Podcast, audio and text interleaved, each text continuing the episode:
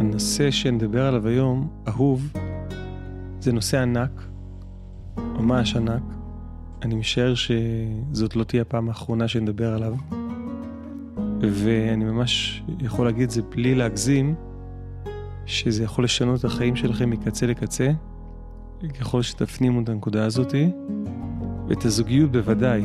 זוגיות זה ממש אה, צועק לשמיים, וגם את כל, את כל הקשר עם עצמכם, וכל הקשר בחיים.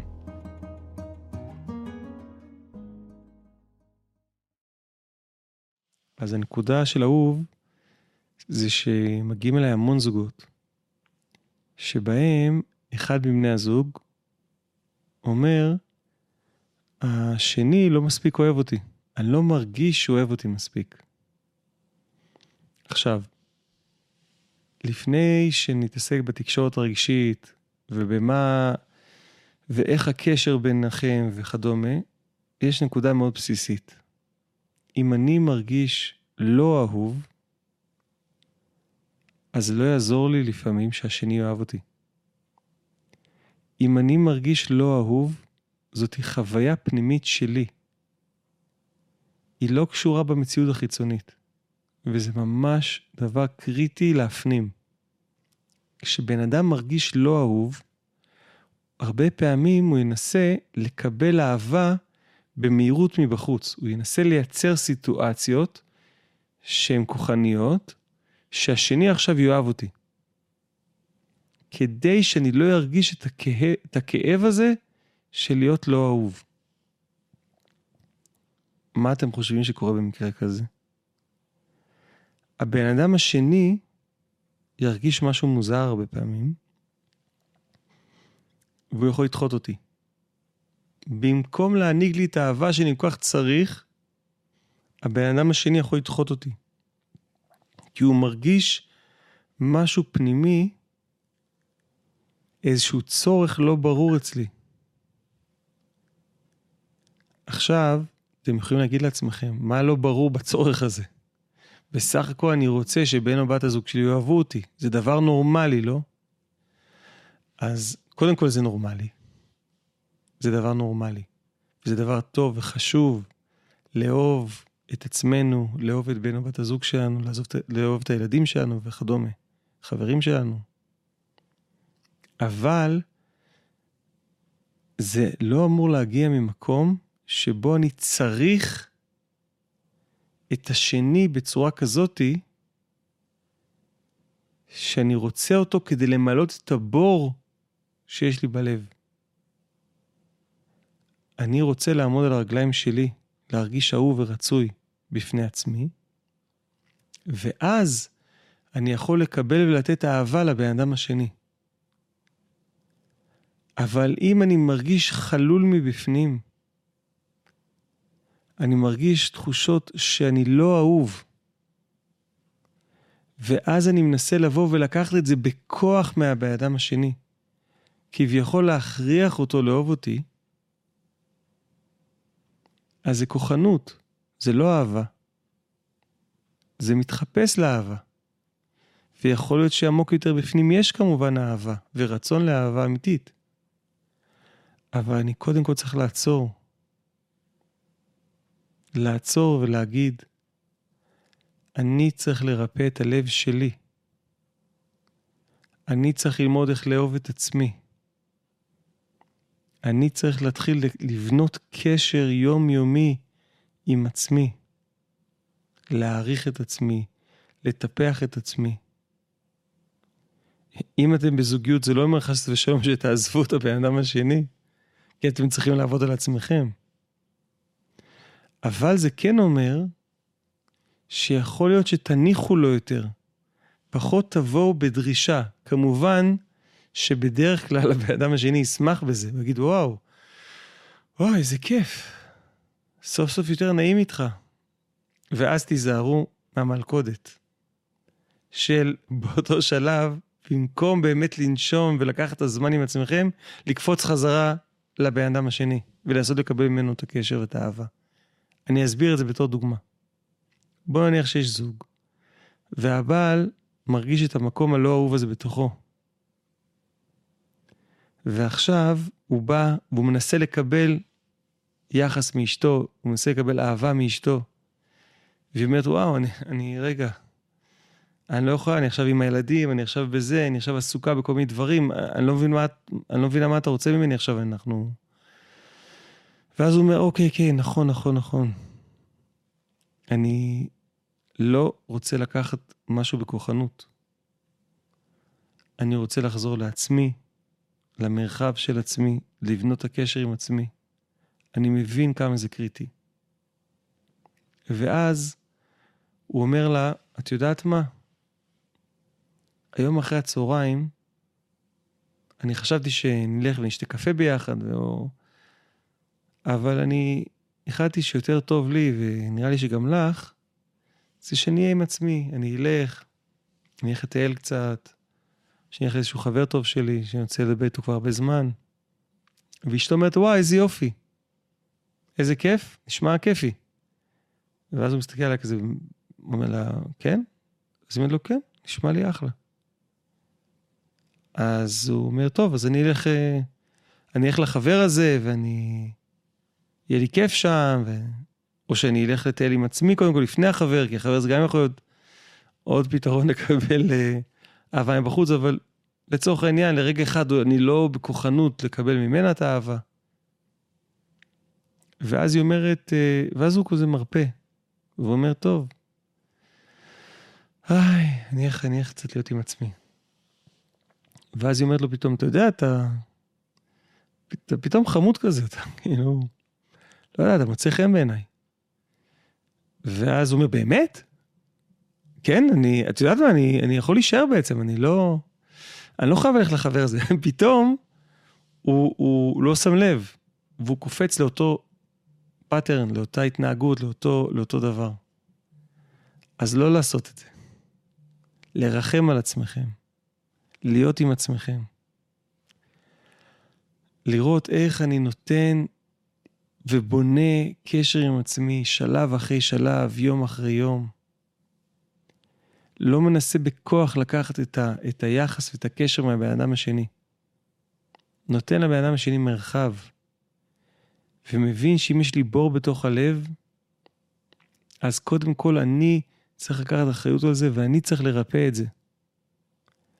מה שאני אומר עכשיו זה לא גישה אנטי יחסים ואנטי קשר ואנטי אהבה, חס ושלום.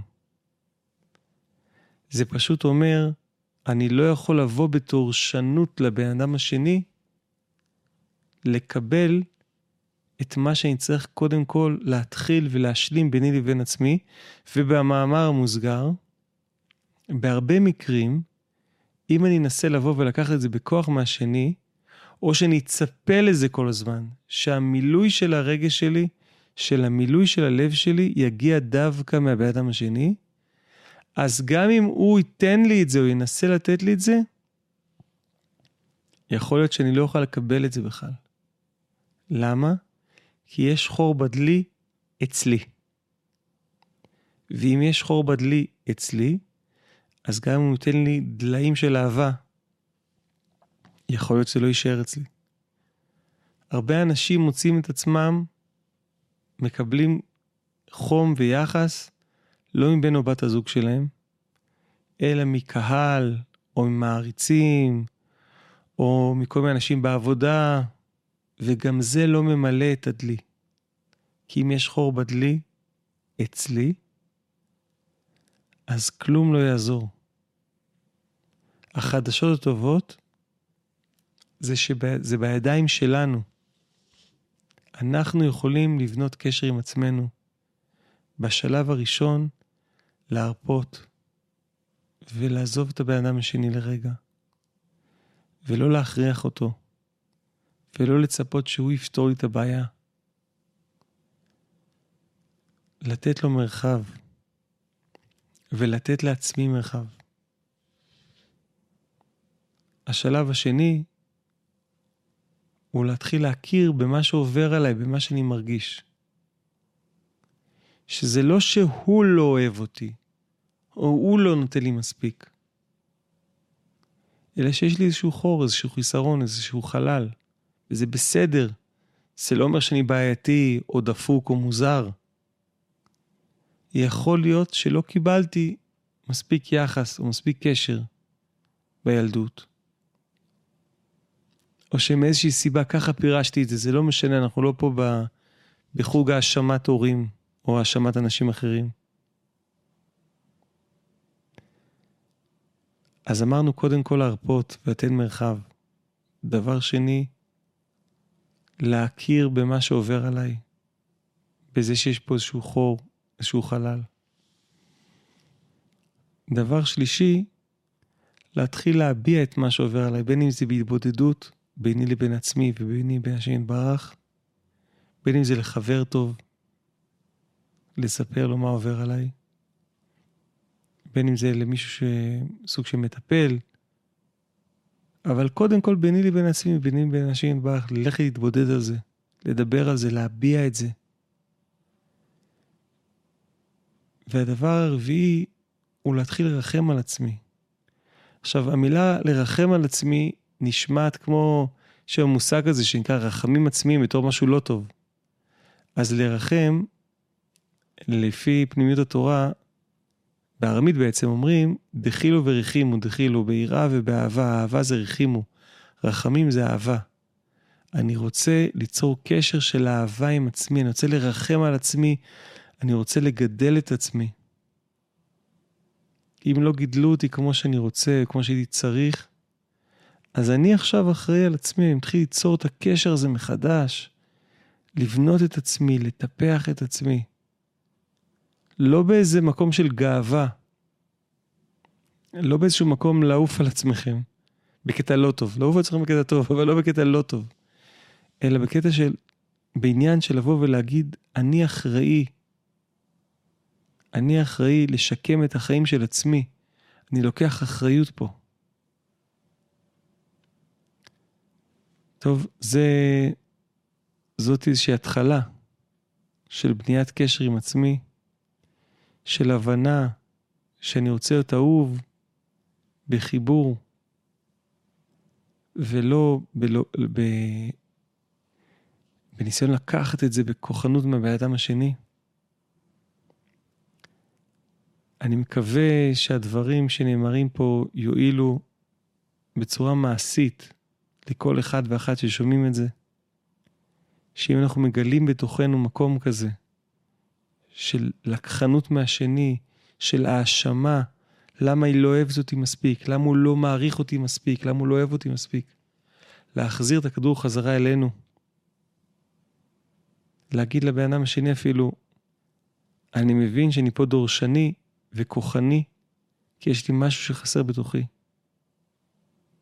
ואני צריך להתחיל להיכנס לאיזשהו מסע של לפגוש את עצמי ולהשלים את הדבר הזה בתוכי. וכמובן תפילה לשם יתברך שיעזור לי וירחם עליי ויגלה לי את האהבה שנמצאת תמיד בלב שלי. יגלה לי מה זה רחמים אמיתיים, בזכות הצדיקים, שהצדיקים מלאים רחמים, מסתכלים עלינו בעיניים של רחמים, בעיניים של אהבה, שרוצים רק בטובתנו. שרבנו הקדוש ברוך הוא כל כך הרבה דיבורים של רחמים, לרחם על עם ישראל. אפילו בקשר בתורה כ"ב, בין הנשמה לגוף, לרחם על בשר הגוף. אז זה תהליך. ולא להיבהל.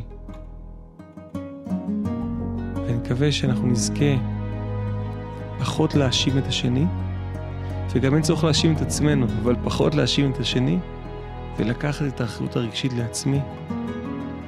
אני מאוד מקווה שזה יועיל לכולנו, ומי שרוצה או רוצה להגיב על הדברים, אתם מוזמנים בהערות להגיב.